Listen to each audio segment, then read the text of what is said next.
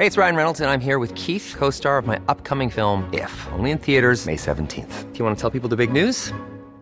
All right, I'll do. Sign up now and you'll get unlimited for $15 a month in six months of Paramount Plus Essential Plan on us. Mintmobile.com slash switch.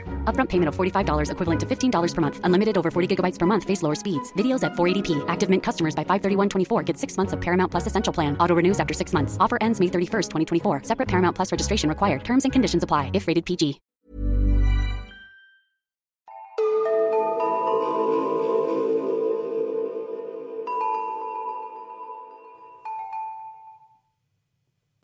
Och välkomna till Nära ögat, en true crime-podd för mesar. Mitt namn är Alexandra Kensdottir. Och jag heter Amelia Ingman. Äntligen är vi tillbaka. Det känns så ovant och det var så länge sedan. Så länge sedan. Vi har saknat detta så mycket, men vi har helt enkelt inte fått ihop det. Och det här juluppehållet var ju tanken att det skulle pågå i kanske en månad, men nu är vi i april. Mm. Men som sagt, jätte, jättekul att vara tillbaka. Och vi har ett lite annat upplägg än vanligt. Vi kommer, i alla fall den här säsongen, testa ett nytt upplägg. Ja, så istället för att ha två fall i varje avsnitt så kommer vi nu turas om och ta ett fall var. Så denna veckan är det min tur. Och nästa vecka kommer Assa ta upp ett fall. Så vi kommer helt enkelt alternera. Och detta är för att vi får inte ihop tiden. Nej. Alltså som vi berättat för er tidigare så gör vi det här helt på vår fritid. Vi gör det utöver våra vanliga heltidsjobb. Och det har helt enkelt blivit för mycket. Och för att vi ens ska kunna fortsätta med podden, för att vårt, våra alternativ har varit så här, men ska vi lägga ner? Så kom vi fram till att det här är en bra kompromiss. Så ni får fortfarande nära ögat en gång i veckan. Men ni får ett fall varje vecka. Och genom att göra så här så kan vi också ha längre säsonger.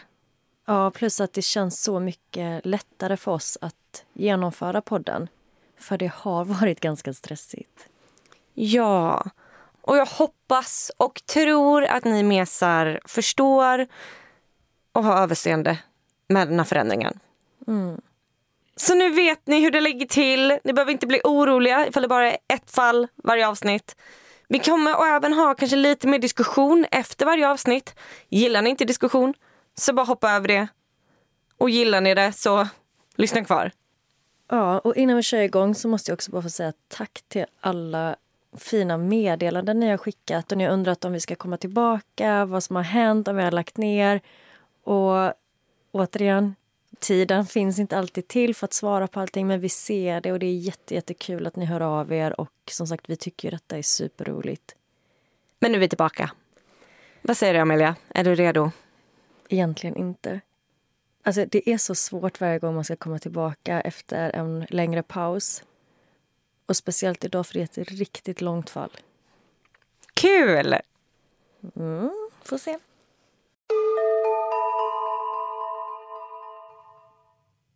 Idag ska jag berätta om ett väldigt efterfrågat fall. Nämligen kidnappningarna av Michelle Knight, Amanda Barry och Georgina Gina de Jesus. Och vad kul att du har vågat dig på det. Ja, alltså det var väldigt mycket fakta att gå igenom. Och jag vet att det är så stort och så välkänt. Men när jag gjorde research så insåg jag att det var ganska mycket som jag själv inte hade koll på. Så förhoppningsvis kanske det blir något nytt även för er som känner till detta sen tidigare. Och det här känns ju verkligen som ett Amelia-fall. Ja, jag, jag gillar inte att det har blivit en grej, typ att jag förknippas nu med kvinnor som blir kidnappade. Men, ja. Långa, jobbiga kidnappningar är ett klassiskt Amelia. Ah, så hemskt. Och det är som sagt väldigt många som har tipsat om det här fallet. Och jag tror inte jag kunde hitta alla, men några av dem är i alla fall Eva, Monica och Alexandra. Så tack så mycket för att ni har bett oss ta upp detta. Mina källor är en artikel av Mamma Mia, biography.com, People, BBC News, ett avsnitt av Dr. Phil, ett avsnitt av ABC 2020 som heter Trapped och Wikipedia. Och jag kommer börja dagens fall med att berätta om Michelle Knight. Michelle föddes den 23 april 1981. Hon kommer från en väldigt tuff bakgrund och svåra familjeförhållanden. Hon växer upp i en fattig familj där de knappt har råd med mat. Och de har ingen spis, så när hon väl får mat som hon kan värma upp så måste hon göra det över ett element. Michelle blev sexuellt utnyttjad som ung. Och Allt detta ledde till att hon lämnade hemmet som tonåring. Jag tror hon var runt 14 år och bodde på gatan. Och Ett tag så bodde hon i en soptunna. Men en dag så söker hon sig till en gudstjänst och i församlingen så finns det en vän till familjen som känner igen Michelle och hjälper henne komma hem igen. Michelle hade det även väldigt tufft i skolan och blev mobbad och utstött.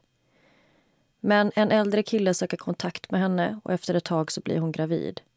Och Michelle får en son som hon döper till Joey. Den 23 augusti 2002, när Michelle är 21 år gammal så har hon precis lämnat sin kusins hem och den här dagen så har hon en tid inbokad i rätten gällande vårdnaden om sonen Joey. För han är för tillfället omhändertagen av socialen. Joey är två år gammal och anledningen till att han har blivit omhändertagen är för att Michelles mammas pojkvän har misshandlat Joey. Socialen menar att Michelles hem inte är säkert för barnet och att hon borde ha skyddat sin son. Och misshandeln hade ägt rum en dag när Michelle var ute och sökte jobb. Och Då hade mammans pojkvän slitit tag i Joeys ben så att han fick en fraktur i knät. Och när Michelle då tog honom till sjukhuset så blandade socialen in och placerade honom i fosterhem. På väg till mötet så går Michelle in i en affär för att fråga om vägen för att hinna i tid till sitt möte. Och Då kommer en man fram till henne. Hon känner igen mannen. Det är Ariel Castro och hon vet vem hans dotter är. Ariel har hört Michelle fråga om vägen och han säger att han vet vart stället hon ska till ligger och erbjuder sig att köra Michelle dit. Han säger att det bara kommer ta honom några minuter så Michelle tackar ja och följer med till Ariels bil. Men han kör henne inte alls dit han lovat utan tar henne istället hem till sitt hus. Han säger att han måste springa in snabbt och kolla till sina hundvalpar och Michelle vill inte följa med i huset och säger att hon kan vänta i bilen. Ariel kör då in på uppfarten på sidan av huset, parkerar och stänger grinden efter sig. Och så går han in på baksidan av huset men kommer strax tillbaka till bilen och ber Michelle följa med in. Han säger att valparna är inne i huset och hon kan få ta med sig en hem till sin son. Och Han säger även att hans dotter är hemma. Så till sist säger Michelle okej okay och följer med in på baksidan så ingen från gatan ser att hon går in i huset. Men grannarna i huset bredvid är ute på sin tomt och Michelle vinkar mot dem och säger hej och de ser henne och vinkar tillbaka. När Michelle kommer in så ser hon inte eller hör några valpar och då blir hon nervös. Men han säger att de är på övervåningen. Men Michelle säger att hon vill inte följa med honom upp varpå Ariel svarar att om hon vill ha en valp, då följer hon med upp och till slut ger hon med sig. Och på väg upp mot övervåningen ser Michelle fotografier på Ariels dotter som hon känner. Och Michelle frågar om dottern är hemma, varpå Ariel säger ja. Och detta får Michelle att känna sig lite mer okej okay, och de går upp på övervåningen men det finns inga valpar där. Istället så kastar han in henne i ett av rummen och där har han förberett så han kan binda fast henne. I rummet sitter det som en tvättlina och han hänger upp Michelle i både armarna och benen. Och Han binder även fast henne runt halsen och fäster det i linan. Michelle hamnar i chock och när det här sker så fryser hon av skräck och allt hon kan göra är att gråta och ber honom att inte göra det här och att han ska låta henne gå. Men han säger nej och kastar sedan pengar på henne. Och Det skulle visa sig att Ariel var besatt av prostituerade och han trodde att Michelle var en 13 år gammal sexarbetare. För Michelle är väldigt liten och ser inte ut att vara 21. Och när han sen får reda på Michelles riktiga ålder så blir han väldigt arg. För han ville ta ett barn. Hans agerande är... Alltså han är ju en ond person. Och det faktum att han blir besviken för att hon är 21 för han vill ha en 13-åring. det blir bara ännu ett lager av ondska. Ja, och att han använder sin egen dotter som lockbete för att få in den här tjejen i sitt hem. Mm. Det känns riktigt smutsigt. Ja, så hemskt. Och tillbaka till det här rummet då som han binder fast Michelle i. Ariel onanerar på Michelles kläder och lämnar sen henne ensam i rummet. Men innan han går ut så säger han att hon ska stanna hos honom som en vän och att han kommer släppa henne på julafton. Men Michelle tror honom inte, utan hon tror att hon kommer dö här. Ariel lämnar henne hängandes i cirka 24 timmar innan han kommer tillbaka. Han knyter upp repen och tar sedan med henne ner i källaren där han binder fast henne i en stolpe. Och runt stolpen sitter en stor, tung kedja som han låser fast runt hennes hals och runt kroppen. Han binder sedan händerna bakom hennes rygg med buntband. Hon sitter på källargolvet och han säger till Michelle att hon kommer stanna här nere tills han kan lita på henne. Och om kedjan sitter för hårt runt halsen och om hon inte kommer överleva så är det Guds vilja. Och sen sätter han en motorcykelhjälm på hennes huvud. Michelle skriker inte. Hon gör inget motstånd utan hon lägger sig bara ner på golvet och ber honom att släppa henne.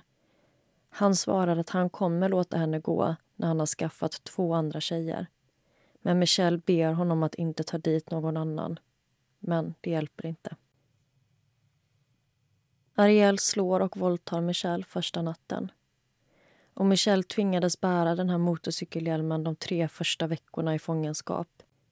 Och hon försöker ta sig loss från den här stolpen flera gånger och hon försöker slita sönder den, men hon är för svag. Michelle blir ofta lämnad ensam i källaren under dagen men varje kväll kommer Ariel hem full och då ger han sig på henne. Han brukar titta på ett program om människor med grova sexuella avvikelser vilket han sen vill testa på Michelle. Och en fetisch som Ariel har det är att han vill strypa henne. Och Han har även en piska som han brukar slå henne med. Källaren har ingen belysning och Michelle spenderar dagarna med att sitta i mörkret. Hon har svårt att sova och svimmar ofta på grund av att kedjan sitter åt runt hennes hals. Hon hör ofta att det är andra människor i huset men för att undvika att Michelle ska skrika efter hjälp så stoppar Ariel en äcklig gammal strumpa i hennes mun och tejpar sedan över munnen med silvertejp. Och anledningen till att han trycker in en strumpa är för att hon inte ska kunna gnugga bort tejpen med läpparna. Det som får Michelle att överleva tiden i fångenskap är kärleken till sin son. Hon vill överleva för hans skull och hon håller sig stark genom att tänka på honom. Ariel hade sagt att hon ska stanna i källaren tills han kan lita på henne. Och Med det menar han att hon ska bli helt undergiven. Så Michelle börjar spela med och säger saker som hon tror att han vill höra. Hon säger att han inte är ond och att allt är okej, okay, att alla gör fel ibland och så vidare. Hon säger även att det finns platser där han kan få hjälp och att det han har gjort inte är så farligt och att han inte behöver göra det här. Och det verkar fungera. För till slut så flyttas Michelle upp från källaren. Men då blir nästan Ariels beteende ännu värre. Hans humör är helt oberäkneligt och han får vansinnesutbrott på henne och anklagar henne för att ha betett sig illa och hotar med att slå henne. Michelle försöker hela tiden lugna ner situationen och försäkra honom om att hon inte har gjort något och att hon vill vara där med honom. I rummet som Michelle flyttas till hålls hon fastkedjad i sängen. Denna gången med en lite längre kedja så att hon kan röra sig. Men den är fortfarande så kort så hon är väldigt begränsad och kan inte nå fönstret som är igenbommat. Så det är omöjligt för henne att se ut eller för någon att se in. Hon är ensam och rädd och hon ber till Gud om hjälp för att ta sig därifrån och hon gråter varje dag.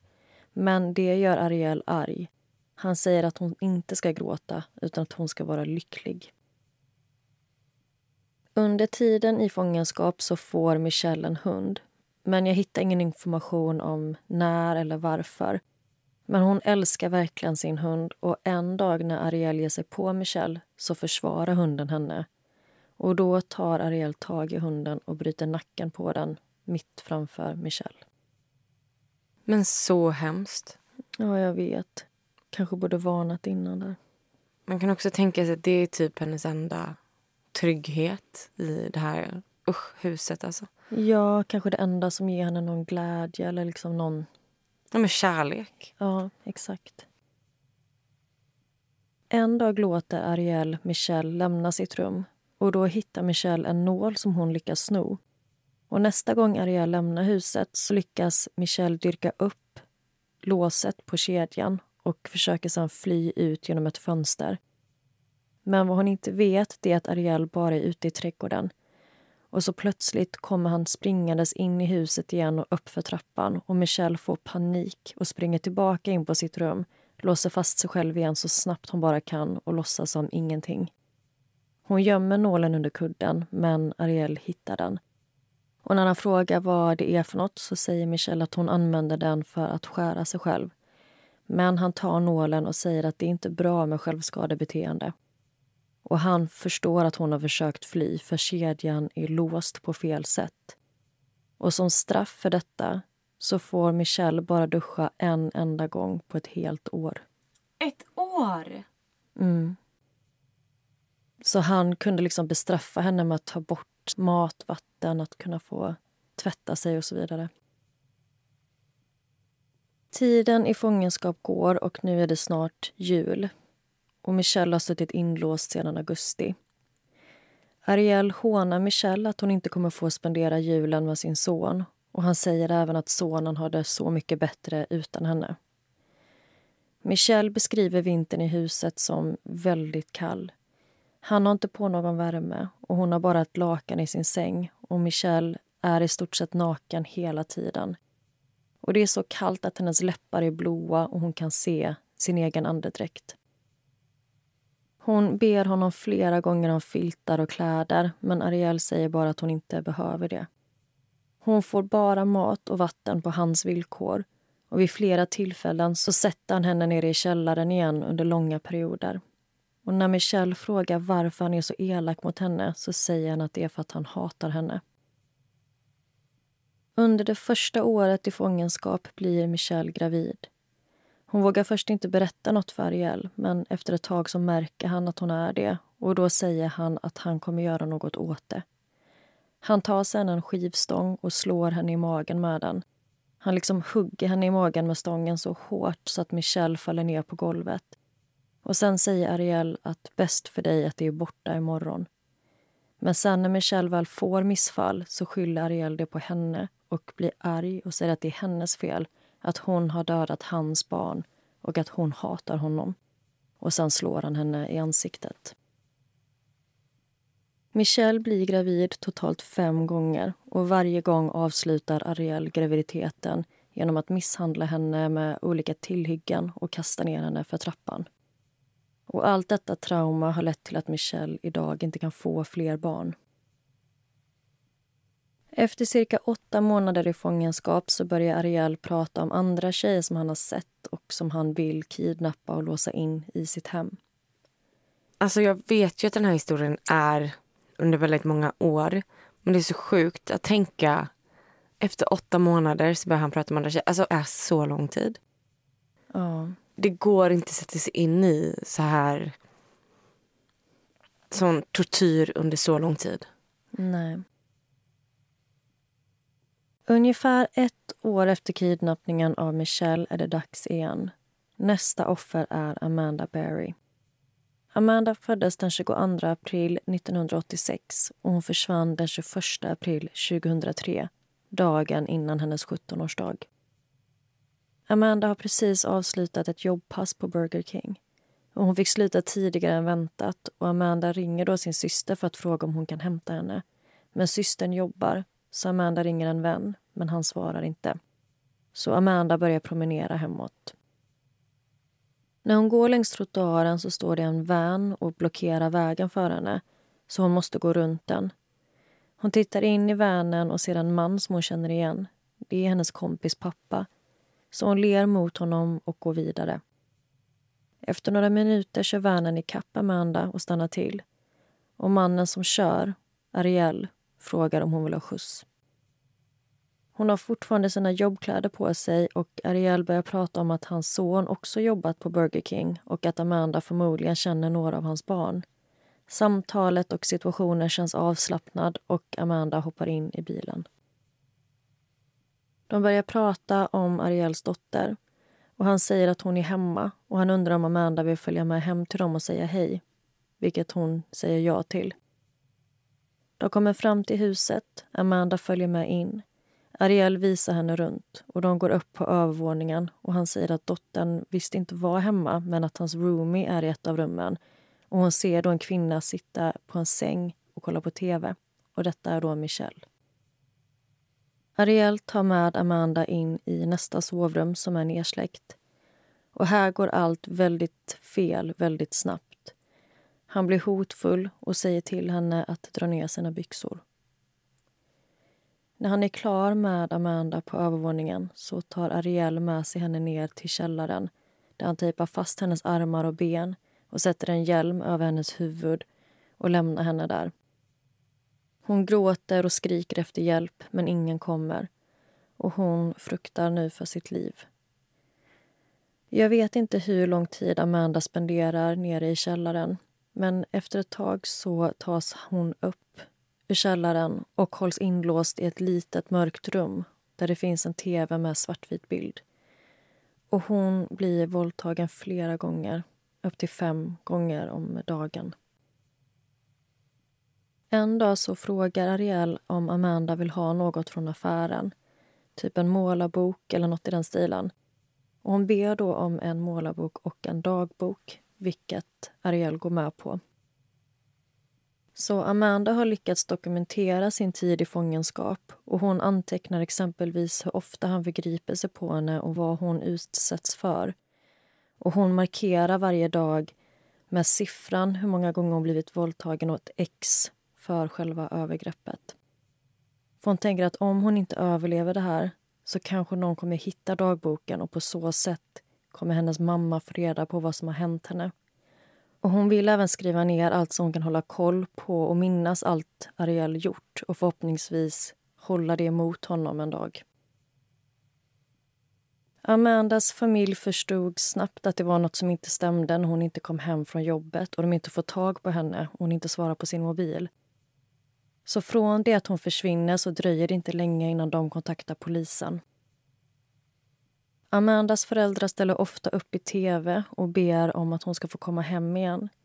Och De är helt uppgivna och utom sig. De letar varje dag och hela familjen hjälps åt i sökandet och de sätter upp flygblad i hela området. De får in tusentals med tips och polisen söker igenom över 200 hem i jakten på Amanda och de utökar hela tiden sökområdet och trots att de inte hittar henne så tappar familjen aldrig hoppet. Men det är extremt påfrestande att inte få några svar och inte veta vad det är som har hänt. Och En sak som Ariel gjorde mot Amandas familj det var att ungefär en vecka efter att han kidnappat Amanda så tar han hennes mobil och ringer hem till familjen och då svarar Amandas mamma.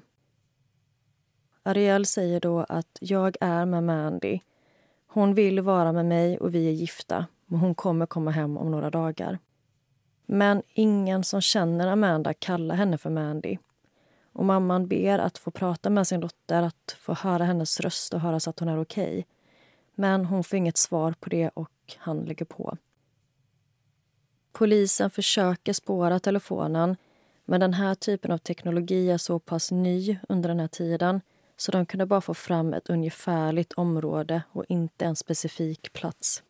Det känns så himla elakt. Alltså att han säger att hon ska komma hem om några dagar, att hon har försvunnit frivilligt, typ, att de har gift sig. Varför? Nej, det känns som att han verkligen går igång på det här att håna dem och att typ jävlas med dem. För det finns ingen anledning för honom att liksom ringa Amandas familj och även sättet han hånar Michelle på. Ja, jag vet inte. Är det en ondska bara? Ungefär ett år efter Amandas kidnappning tar Ariel ett tredje offer. Det är då år 2004 och Georgina äldste, Jesus, är 14 år gammal. Georgina, eller Gina som hon kallas, promenerar hem från skolan tillsammans med sin kompis. Och den här kompisen är Ariel Castros dotter. De stannar till vid en betaltelefon och kompisen ringer till sin mamma och frågar om hon får följa med hem till Gina. Men mamma säger nej. Så tjejerna säger hej då till varandra och går åt varsitt håll. Efter en stund stöter Gina på Ariel Castro. Han stannar till med sin bil och säger att han letar efter sin dotter och frågar ifall Gina har sett henne. Gina svarar ja och Ariel undrar om hon kan hjälpa honom att leta, vilket Gina går med på. Och det här är inte något konstigt. Det är hennes kompis pappa. Plus att Ginas pappa är vän med Ariel, så detta är ju någon hon känner. Men istället för att köra i den riktningen som Gina menar att kompisen och dottern har gått så kör han istället hem till sig. Han ber Gina följa med in och hjälpa honom med en grej, vilket hon gör. Och inne i huset börjar Ariel tafsa på henne och Gina ber honom att sluta. Och då svänger hans humör. Han säger till henne att hon ska gå hem, att hon ska lämna huset men att hon inte kan gå ut samma väg som hon kom in för det betyder otur utan att hon istället ska använda källardörren. Väl nere i källaren övermannar han Gina och låser fast henne i samma stolpe som han har låst fast de andra två tjejerna i. Gina försöker skrika efter hjälp men han har på radion på hög volym så att ingen kan höra henne. När Gina inte kommer hem den dagen så fattar familjen direkt att något är fel och kontaktar polisen.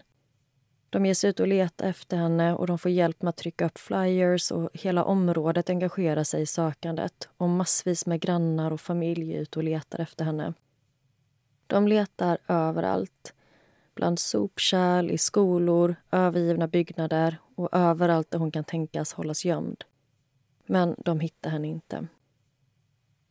Och när Gina får komma upp från källaren så kedjas hon fast i samma kedja som Amanda men de hålls i separata rum. Så kedjan sitter fast runt Amandas kropp och går sedan genom väggen runt Ginas kropp och sen går en annan kedja från Ginas vrist till Michelles vrist. Vid flera tillfällen förgriper sig Ariel på en av tjejerna när de andra är i samma rum. Och Det hjälper inte att de gråter och säger nej eller visar att det gör ont, för han går typ igång på det och brukar även skratta åt dem. Så tjejerna lär sig att inte gråta, inte visa att de är arga eller att det gör ont. En dag berättar Ariel för Gina att han varit ute och kört sin motorcykel och att han sett Ginas mamma gå runt och dela ut flyers med information om Ginas försvinnande. Och Han ska då gått fram till Ginas mamma och tagit en flyer och frågat hur det gått med sökandet. Och sen när han kom hem så hånade han Gina och gnuggade detta i hennes ansikte. Men Gina behöll den här flyern under sin tid i fångenskap för det fick henne att känna sig nära sin mamma. Ginas föräldrar, Nancy och Felix, gav aldrig upp i sökandet efter deras dotter. De gjorde allt de kunde för att hitta Gina och de kämpade med att hålla hennes fall vid liv och få folk att fortsätta prata om Gina så att hon inte skulle bli bortglömd. Gina kommer från en väldigt tajt familj och hon hade väldigt lycklig uppväxt. Och familjen beskriver henne som blyg och försiktig och att hon älskar musik och att dansa. Amanda och Gina såg vid flera tillfällen sina föräldrar på nyheterna. Och Det fortsatte år efter år, vilket gav tjejerna väldigt mycket tröst. Och Det hjälpte dem att veta att deras familjer fortfarande letar efter dem och att de aldrig tappade hoppet om att återförenas. Och Tjejerna hade som sagt tv på sina rum och Michelle berättar att om hon hörde nyhetssändningar om Amanda eller om Amandas familj var med på tv så höjde hon sin tv för att signalera till Amanda att sätta på sin så hon kunde få se sin familj. Alltså även om de var tre som var kidnappade så känns det så sorgligt att de inte kunde få umgås. För då hade de i alla fall haft varandra. Men att nu sitter de på varsitt rum och sitter fast inom väggarna. Ja, och det är verkligen medvetet av Ariel att han försöker hålla dem separerade från varandra. och han vill liksom inte att de ska ha den närheten till varandra eller gemenskapen. Så de känner egentligen inte varandra. Det är så ondskefullt. För att det lilla, den lilla mänskliga värme de hade kunnat få genom att få vara med varann får de inte ens. Och sen så, det är ju inom citationstecken smart av honom för då kan mm. inte de liksom sammanstråla mot honom. Mm. Men jag vet inte, det känns så ondskefullt. Mm, och det var väldigt få tillfällen som tjejerna faktiskt var i samma rum under den här tiden i fångenskap. Huset som tjejerna hålls inlåsta i var igenbommat och mörkt. Ariel har tagit garderobsdörrar och spikat upp dem framför fönstren som vetter mot framsidan. Och Tjejerna hålls som sagt i separata rum. De hade väldigt lite eller ingen kontakt med varandra. Och Ariel har inte bara faktiska lås på huset utan han håller även tjejerna inlåsta med psykiska lås.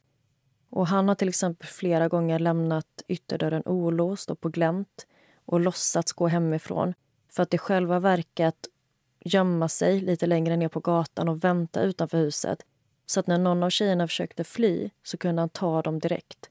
Och Han hade stenkoll på allt de gjorde och allt de sa och han har satt upp speglar överallt så att han kan tjuvkika på dem från olika rum.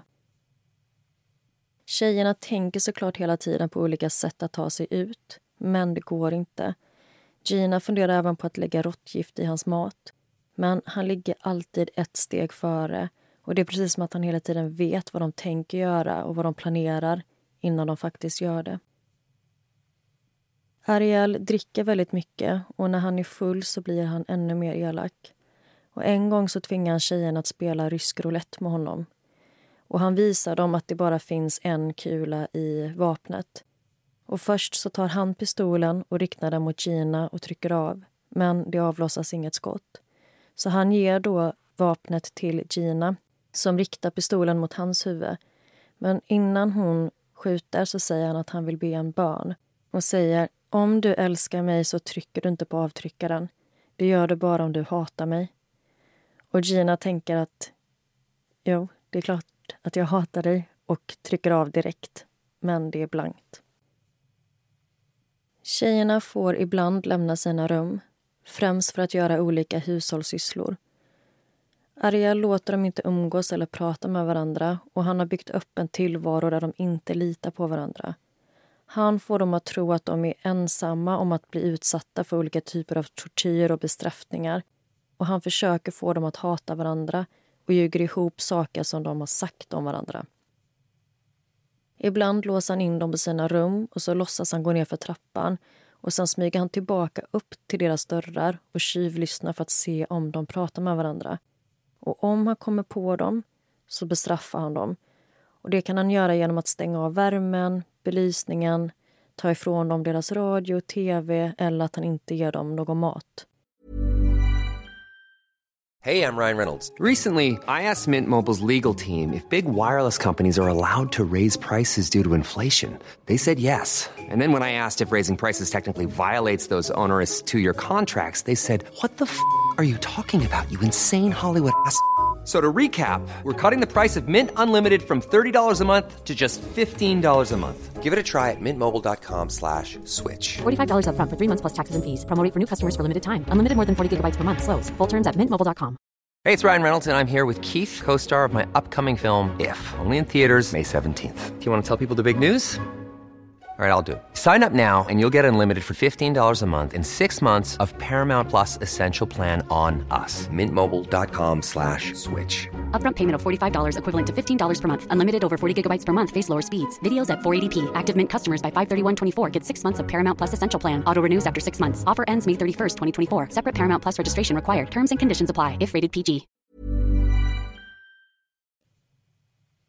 Men han favoriserar också bland tjejerna. I början av Ginas tid i fångenskap var hon hans favorit. Och Hon fick bättre mat som han hämtade från olika restauranger och hon fick kläder och såna grejer. Och Detta gjorde de andra tjejerna väldigt avundsjuka. Och Lever man i sån här misär och man har så lite så blir det en väldigt stor grej om en av dem får lite mer mat. Och Det blir snabbt väldigt starka känslor kring det. Men den som är svårast utsatt är Michelle. Jättestora sökinsatser pågick som sagt efter både Amanda och Gina. Men Michelle kom inte från samma typ av familjebakgrund och det var inte riktigt någon som letade efter henne. I alla fall inte på samma sätt som de andra tjejernas familjer gjorde och det rapporterades inte om det på samma sätt. Och Michelles försvinnande var inte lika omtalat. Och detta hånade Ariel henne för. Han säger i stort sett varje dag att ingen bryr sig om henne och att det inte finns någon som älskar henne. Och Michelle var den mest trotsiga av tjejerna. Och Ariel var extra hård och elak mot henne och utsatte henne för ännu mer våld och värre tortyr än vad de andra tvingades genomlida. Men Michelle säger att han aldrig lyckades knäcka henne. Vid flera tillfällen får Ariel besök i hemmet. Och Då tar han ner tjejerna till källaren och kedjar fast dem och hotar och säger att de måste vara tysta. Sen kan tjejerna höra honom prata med andra, exempelvis sin dotter. Och Det är klart att de flera gånger överväger att skrika efter hjälp. Men de är rädda för att han kommer döda alla i huset om de gör det. Och de är så nedbrutna så de vågar inte. Och en gång fick Ariels ena dotter för sig att hon skulle komma förbi och bo hos honom ett tag. Och då fick han snabbt tänka ut en plan för vad han skulle göra av tjejerna. Så han tvingade då på dem peruker och solglasögon, ta ut dem i huset och låsa in dem i sin van, fastkedjade i varandra. Han kör sedan vanen lite längre upp på gatan och kliver ut och lämnar nyckeln i tändningslåset. Och Amanda får då idén att lägga bilen i körläge och trycka ner gasen och köra över honom. Och Hon är så nära att göra detta, men hon vågar inte. Och det ångrar hon än idag att hon inte gjorde. Tre år efter Amandas kidnappning händer något som förändrar situationen för alla i huset. Och Det är att Amanda blir gravid. Men Ariel vill inte ha en bebis i huset för tänk om grannarna skulle höra bebisen skrika och han har som sagt ofta gäster över och han kan inte kontrollera om ett barn gråter eller inte. Så han vill inte ha en bebis där. Men det slutar ändå med att han tillåter Amanda att behålla barnet. När det är dags för Amanda att födas så tar Ariel fram en babypool som han lägger på golvet och i den får Amanda lägga sig så att hon inte ska smutsa ner sängen. Han tar in Michelle i rummet och tvingar henne hjälpa till under förlossningen samtidigt som han sitter i en gungstol och läser en bok om hur man förlöser ett barn. Han säger till Michelle att om barnet inte överlever så kommer han att döda henne. Och efter bebisen föds så slutar den andas men Michelle lyckas få liv i barnet igen. Så på juldagen 2006 får den då 20 år gamla Amanda en dotter som hon döper till Jocelyn. Jocelyn växer upp inlåst i Ariels hus. Och när hon är tillräckligt gammal för att börja skolan så ordnar Amanda en låtsasskola för henne i huset och försöker ge henne rutiner och en utbildning. Och De går upp på morgonen och äter frukost och sen låtsas de promenera till skolan. Och Amanda berättar att man måste stanna vid övergångsställen och se sig för innan man korsar gatan. Och sen, när de då kommer fram till rummet som de låtsas är själva skolan så lämnar Amanda av Jocelyn, önskar henne en fin dag, säger att hon älskar henne och sen går Amanda in i lärarrollen. Ariel kan ibland ta med sig Jocelyn ut ur huset bland annat för att hälsa på Ariels mamma. Och Jocelyn kallar Ariel för pappa och hans mamma för farmor. Och vid ett tillfälle så visar Ariel en bild på Jocelyn för en av sina äldre döttrar och säger att det är hans nya flickväns dotter från en tidigare relation. Men till andra så har han sagt att det är hans barnbarn. Jocelyn får i stort sett röra sig fritt inne i huset. Hon får gå ner på nedervåningen när hon vill om inte Ariel har låst sovrumsdörren. Så en dag går Jocelyn ner för att leta efter Ariel. Men hon kommer upp igen efter en stund och säger till Amanda att pappas blåa bil inte är hemma. Amanda ber henne då kolla i garaget om han är där inne eller kanske ute på baksidan. Men Jocelyn hittar inte honom. Så Amanda går ner med henne och tittar ut men hon kan inte heller se Ariel någonstans. Och Hon går mot ytterdörren och märker att den är olåst. Men den har en nätdörr framför sig som är låst med en kedja och ett hänglås. Och Amanda ser nu sin chans. Hon försöker trycka upp dörren och tänker att den kommer vara lätt att ta sönder, men det går inte. Hon får upp den ungefär en decimeter och trycker ut sin arm genom öppningen och viftar och börjar skrika allt vad hon kan. Hon skriker efter hjälp och hoppas att någon ska höra eller se henne. En granne som är ute på gatan ser Amanda och springer fram till henne och sparkar in nedre delen på nätdörren så det blir ett stort hål. Amanda kryper då ut tillsammans med Jocelyn och ropar att de ska ringa 911. Och det här samtalet finns inspelat och man kan höra Amanda be om polis, berätta vem hon är och säger att hon har suttit instängd i tio år men att hon nu är fri. Polis kommer till platsen och Amanda berättar att det finns två andra tjejer som också är inlåsta i huset. Och Gina och Michelle har inte förstått vad det är som har hänt. Gina har haft på sin tv och hon har inte hört när Amanda har ropat efter hjälp. Men hon hör nu när polisen tar sig in i huset. Men tjejerna uppfattar inte att det är poliser utan tror att Ariel har fått tag på Amanda. Men det dröjer inte länge innan polisen kommer upp och hittar både Gina och Michelle. Och under tiden sitter Amanda i en polisbil och väntar tillsammans med Jocelyn. Och när polisen kommer ut med de andra två tjejerna så förs de alla till ambulanser som finns på plats. Och detta är första gången någonsin som Michelle, Amanda och Gina är tillsammans och kan prata fritt med varandra. Och de kan knappt tro att det är sant. Men den 6 maj 2013 så blir de fria. Michelle har då varit kidnappad i 11 år, Amanda i 10 år, Gina i nästan 10 år och Jocelyn är 6 år gammal. Alltså det måste ju kännas så overkligt. Ja. Tio år, ett decennium i fångenskap. Och sen så bara... Ja, men att polisen kommer in i huset. Att det går så fort. Ja. Och Jag kan tänka mig att de kanske inte ens trodde att den här dagen skulle komma. Och sen med att det var relativt lätt Mm. när det väl skedde. ja, men det känns ju... Detta är ju egentligen bara på grund av barnet. Ja, Jocelyn. Alltså hon var ju den enda som var fri i det huset egentligen. Ja. Utan henne så hade de ju aldrig vetat att han var borta. Nej, Amanda hade aldrig vågat gå ner om Nej. inte dottern hade sagt att Ariel inte var där. Nej. Ariel Castro har bott i det här huset sedan 1992 och många i området känner honom. Han beskrivs som trevlig, smart, klädde sig väl och körde skolbussen i området och han brukade anordna grillfester på 4th of July. Han beskrivs även som snäll och social. Han är musiker och spelar bas i ett band och han beskrivs även som helt normal och den sista personen man skulle misstänka kunna ligga bakom något sånt här fruktansvärt. Det enda som beskrivs som avvikande i hans beteende är att han kan ha snabba humörsvängningar. Att han ena stunden kan skratta och skämta tillsammans med bandet för att i nästa stund skälla ut alla och få vredesutbrott. Ariel Castro har varit gift tidigare och har barn tillsammans med sin exfru. Men de separerade och hon flyttade ut 1996 och fick då vårdnaden av deras gemensamma barn. Och Ariel ska ha varit väldigt våldsam och utsatt henne för extrem fysisk våld. Han har bland annat brutit hennes näsa, armar och revben orsakat en blodpropp i hjärnan och kastat henne ner för trappan så att hon spräckt skallen. Så det är tur att hon lyckades ta sig ur den relationen vid liv.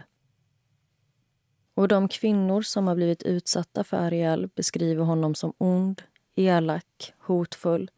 Han hade en djup och skrämmande röst och om man såg honom i ögonen så beskrivs hans blick som svart och själlös. Och inte som den härliga sociala personen som vänner och bekanta beskriver honom som.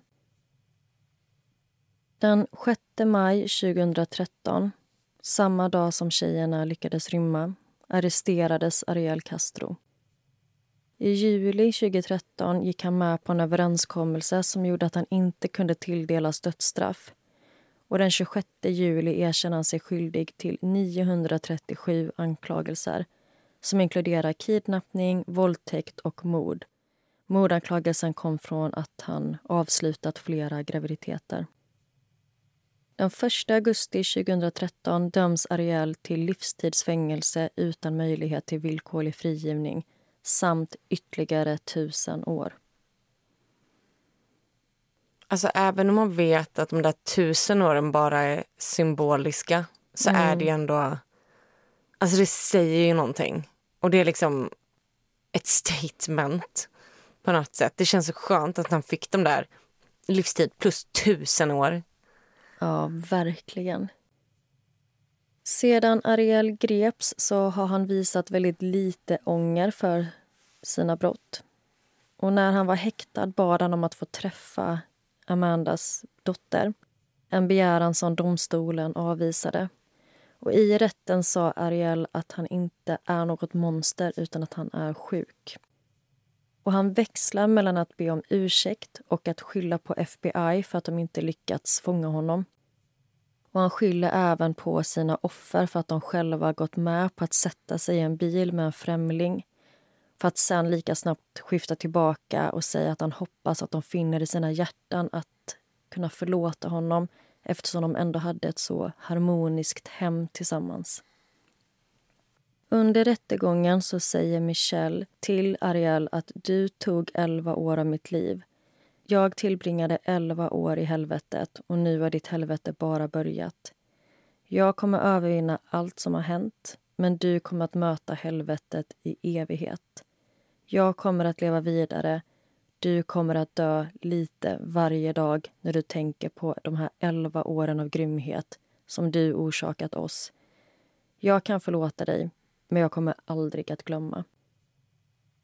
Den 3 september 2013 hittas Ariel hängd i sin cell. Fängelsepersonalen försöker återuppliva honom utan att lyckas och på kvällen transporteras han till ett sjukhus där han dödsförklaras. Och den första tanken kring detta är ju att Ariel har begått självmord.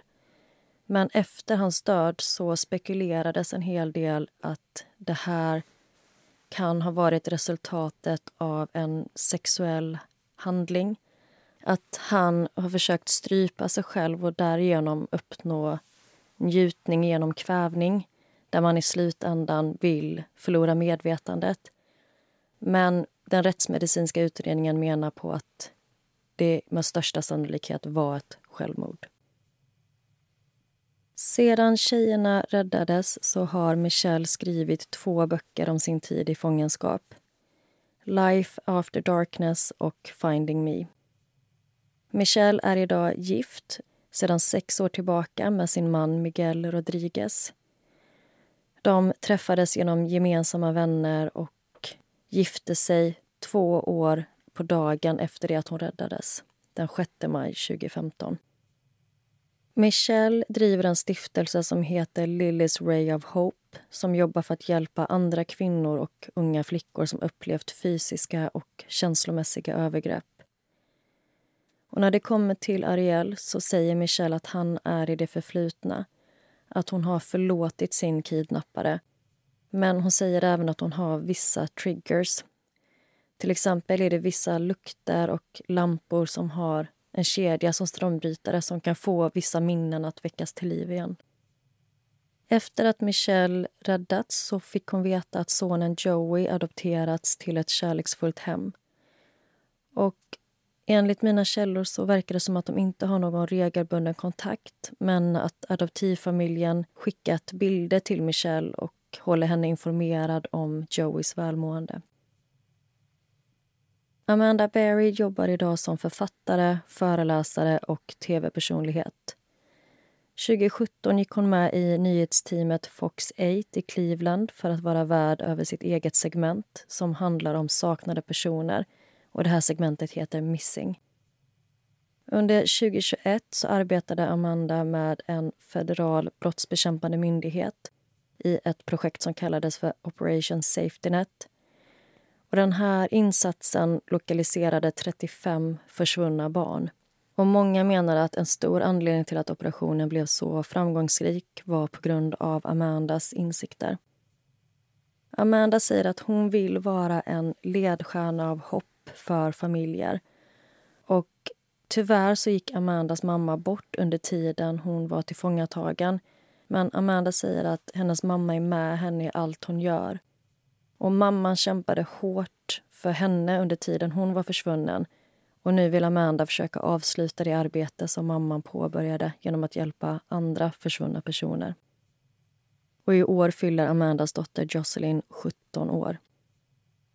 Amanda och Gina är medförfattare till en bok som heter Hope, A Memoir of Survival in Cleveland som publicerades 2015 och den nådde nummer ett på New York Times bestsellerlista.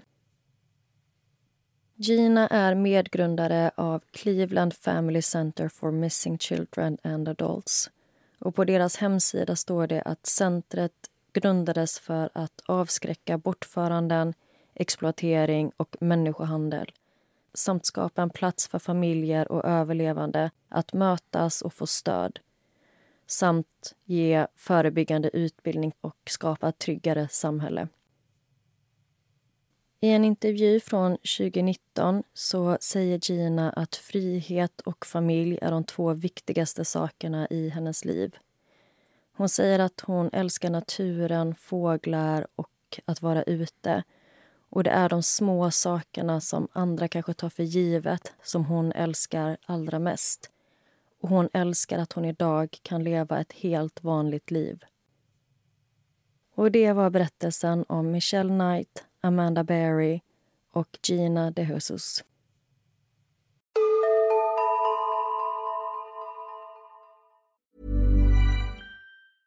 Hej, det är Paige DeSorbo från Giggly Squad. High quality fashion without the price tag. Say hello to Quince. I'm snagging high-end essentials like cozy cashmere sweaters, sleek leather jackets, fine jewelry, and so much more. With Quince being 50 to 80% less than similar brands. And they partner with factories that prioritize safe, ethical, and responsible manufacturing. I love that. Luxury quality within reach. Go to quince.com slash style to get free shipping and 365 day returns on your next order. Quince.com slash style. Och här kommer en efterinspelad side-note. Någonting gick fel med ljudet i den sista delen av det här avsnittet. Så snälla ha överseende nu med att de sista minuterna har lite kass ljudkvalitet.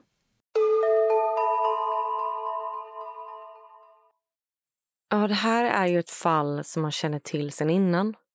Men det var länge sen jag hörde, eller om jag ens hört det så här utförligt tidigare. Och man minns ju när det här uppdagades. Att de här tjejerna hade varit kidnappade i tio år. Ja, det känns det som att detta är ett av vår tids största fall. Alltså det var så extremt mycket rapporteringar kring detta och det känns som att det här kan inte ha undgått någon. Nej, verkligen inte. Och man minns ju alla de här bilderna på Ariel Castro och hur det var ondskan själv. Alltså på alla bilder. Och jag tycker det är så hemskt att han drog in sina egna döttrar för att locka hem småtjejer för att kidnappa dem. Ja, alltså det är så fruktansvärt. Och Ariels ena dotter, hon som var vän med Gina, hon har ju ställt upp i flera intervjuer efter det här och pratat om hur det har påverkat henne. Mm. För det är också jättehemskt att veta att ens egen pappa har gjort så här och inte minst mot ens vänner. Det är, ja, det är så mörkt. Men de här döttrarna bodde inte hos honom då? Nej, så Ariel bodde själv i det här huset och eh, barnen med sin mamma. Men som sagt, det var ju flera gånger de var där och hälsade på och ett tag så kom ju hans dotter och eh, skulle bo över där och det var ju då han fick låsa in dem i vanen. Så de hade ändå kontakt med sin pappa. Utifrån det man hör så känns han som en sån kvinnohatare. Alltså vad han har gjort mot sin exfru. Mm. Vad sa du? Knuffat ner henne för trappen, Mm. brutit hennes armar. Och sen så tar han de här unga tjejerna och behandlar dem så här. Ja, och jag kan bli lite så frustrerad ibland med när personer som kanske aldrig riktigt haft en nära relation med honom, som bekanta och grannar. Jag skulle inte säga att de försvarar honom, men det verkar så här, gud han var så trevlig, skulle aldrig kunna tro, bla bla bla. Men när man tittar på vad han har utsatt tidigare kvinnor för och mamman till sina barn, alltså det här är inte en person som går från noll till kidnappning utan han har ju hållit på i år med att förnedra och misshandla kvinnor. Ja, alltså det som är hemskt med att hans grannar och sånt också så här, tycker att han verkar som en normal, härlig person. Det är att man aldrig vet vem det är som har ett sånt här mörker. Som är kapabel till att göra såna här saker. Nej visst, man vet aldrig. Och en annan sak är att Michelle, hon misstänkte hela tiden att hon inte var Ariels första offer. För under hennes tid i fångenskap så var det flera tillfällen där han antydde att det hade funnits tjejer eller i alla fall någon tjej innan Michelle. Men att ingen någonsin skulle kunna bevisa det. Och det sa han då till henne. Och på en plats i källaren så hade han till och med skrivit “Rest in peace”.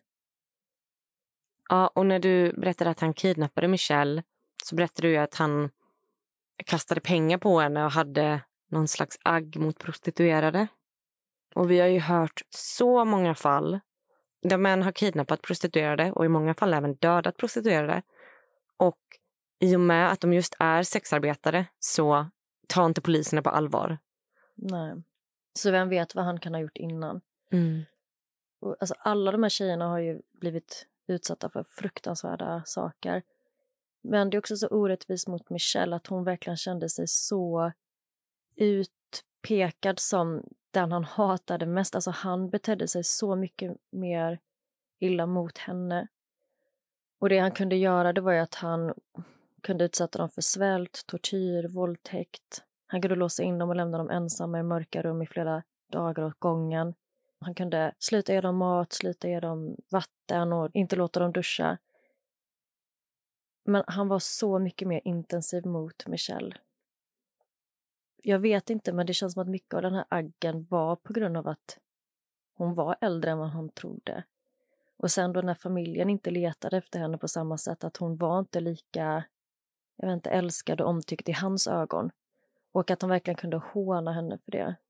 Och så berättade hon även att när han kidnappade henne så hade hon ett foto med sig. Och detta var den enda bilden hon hade på sin son. Och när han hittar den så tar han den och river sönder den framför henne. Och även det här med hunden, du vet det... Ja. Ja, men det känns ju också li- nästan lite som att han går igång på att det är folk som letar efter Amanda och Mm. Gina. Alltså att han själv så här, nästan kontaktar föräldrarna eller liksom söker i alla fall kontakt med dem Mm. och frågar hur det går. Och det känns ju också som en så här klassiskt fall av kidnappare. Att de liksom inte kan hålla sig undan. Utan att de liksom på något sätt ska ha kontakt och se hur det går. Kanske ibland till och med vara med i sökinsatserna. Vilket han var. Mm. Alltså det är så sjukt. Men som du säger, det har man ju hört om förr, typ att de vill inserta sig i, i själva utredningen. Mm. Men en sak som jag tycker är så konstigt med det är att han verkar ha kunnat ha ett normalt liv parallellt med vad som pågick i hans hem. Dels då att han har haft folk över, han har liksom haft grillfester i trädgården, folk har varit inne i hans hem och så har han ju haft det här bandet som han har spelat med och varit väldigt aktiv i det och liksom ingen har misstänkt någonting. Det enda är att han vägrade ta gig i andra orter eller städer. Så att han gick bara med på att spela lokalt. Och det handlar ju då om att han inte ville lämna tjejerna. Dels för att då fanns ju risken att de skulle fly, men han behövde också se till så att de fick mat och vatten. Mm. När man hör om såna här fall så kan man inte låta bli att tänka, undra hur många som är kidnappade just nu, som kanske har varit det i år och år. Och tänk alla de som är kidnappade i här, ja, men tio år som man aldrig får reda på för att de blir mördade sen. Mm. Usch, det är så hemskt att tänka på. Mm. Det känns som att det var ett tag som det kom fram väldigt många som hade varit kidnappade i så här, ah, 18 år, Natasha Kambush. Ja, gud ja. Det är så... För många. Ja. Men ja, det var allt jag hade idag. Och nu blev det ett ganska långt avsnitt ändå, trots att det bara är ett fall. Ja, det var otroligt spännande och det var så kul att få höra, eller så kul, helt fel ord. Det var så intressant att få höra hela historien. Det var länge sedan jag hörde den så här i sin helhet. Och jag vill också bara så här, gillar man såna här böcker, biografier, folk som blivit kidnappade, folk som berättar sina historier. Alltså köp alla böcker, stör de här tjejerna. Mm. Jag tycker de förtjänar all, alla pengar i världen och att folk ska få höra deras historia. Ja, verkligen. Så ja, in och köp böckerna. Vi kan ju lägga ut på Instagram med vad de heter så att ni enkelt kan hitta dem. Så tack igen till Eva, Monica och Alexandra och alla ni andra som tipsade om det här fallet. Och tack Amelia. Vi hörs igen nästa vecka och då är det din tur, Assa. Ja, och glöm inte att följa oss på Instagram. Där heter vi Nära ögat podd. Och har ni tips som Eva och gänget hade, Mm, bara DMa oss där. Även om vi inte svarar på allt så läser vi och skriver upp. det gör vi. Vi hörs nästa vecka. Ha det fint! Puss puss!